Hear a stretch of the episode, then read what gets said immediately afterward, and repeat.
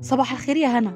امجد كلمك يا ستي كلمني وقال لي على حوار خالد ده. وإن هو بيقول يعني إن هو life coach كويس وعايز يجي يعني يتطوع في الجمعية ويمسك ال line بتاع التأهيل النفسي كل ده. وأنا في الحقيقة بقى مش عارفة أعمل إيه عشان شيماء الحقيقة أنا شايفة إنه ما ينفعش. يعني خلاص مفيش life coach غيره في البلد. ما نشوف حد تاني.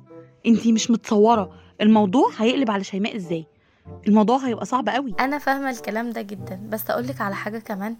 أمجد قال لي إن هي لما تتقابل يعني مع الماضي بتاعها ده هيساعدها أكتر في إن هي تتعافى من اللي حصل لها. وقال لي كمان إن هو واثق في اللي اسمه خالد ده.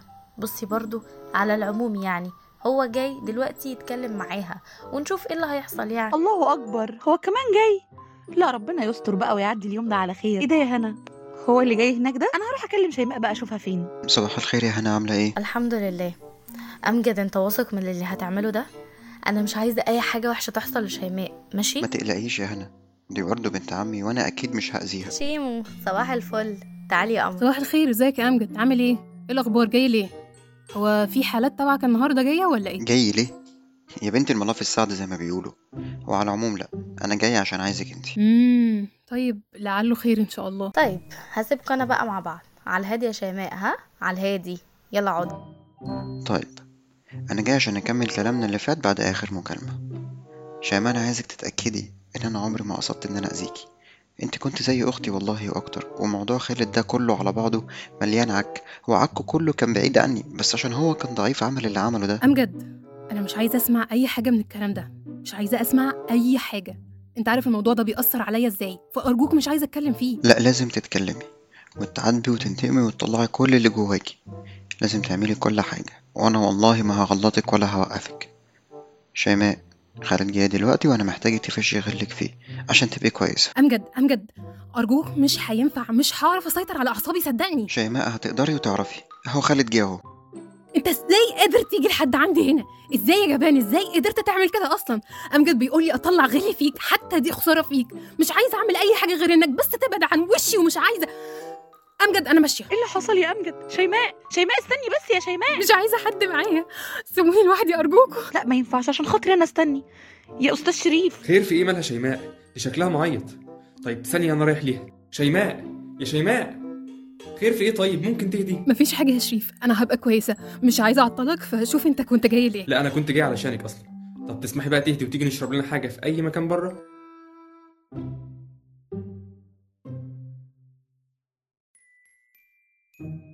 اسفه اني عطلتك. بجد ما كانش ليه لزوم. هو إيه اللي ما كانش ليه لزوم؟ انت ما كنتش شايفة نفسك ولا إيه؟ لا هو فعلا لما بتعصب أو بتوتر ما بشوفش نفسي. بس اللي هم عملوه ده ما كانش ينفع خالص.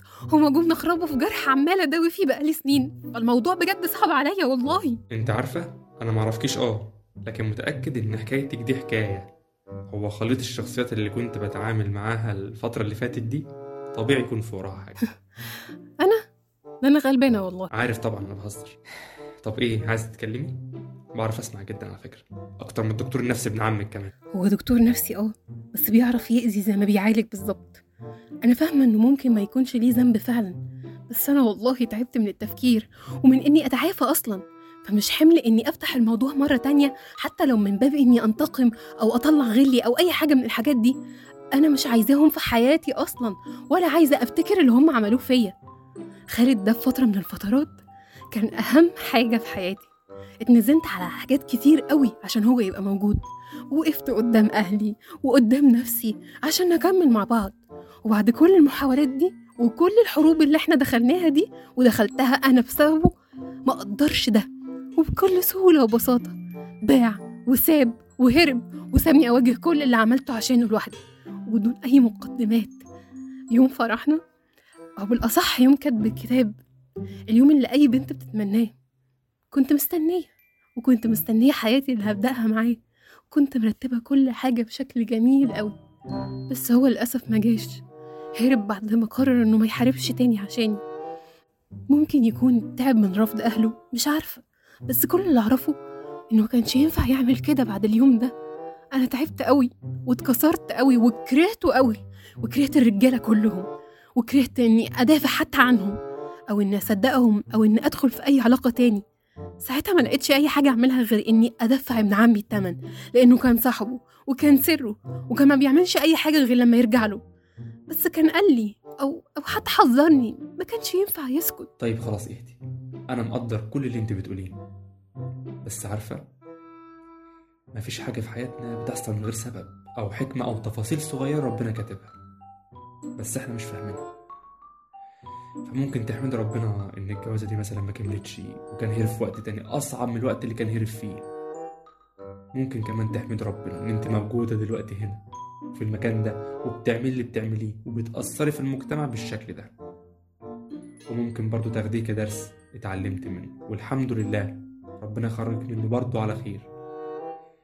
أيوة اتجرحتي وأيوة الموضوع كان صعب عليكي بس أنا متأكد إن أنت خرجتي أقوى من الأول.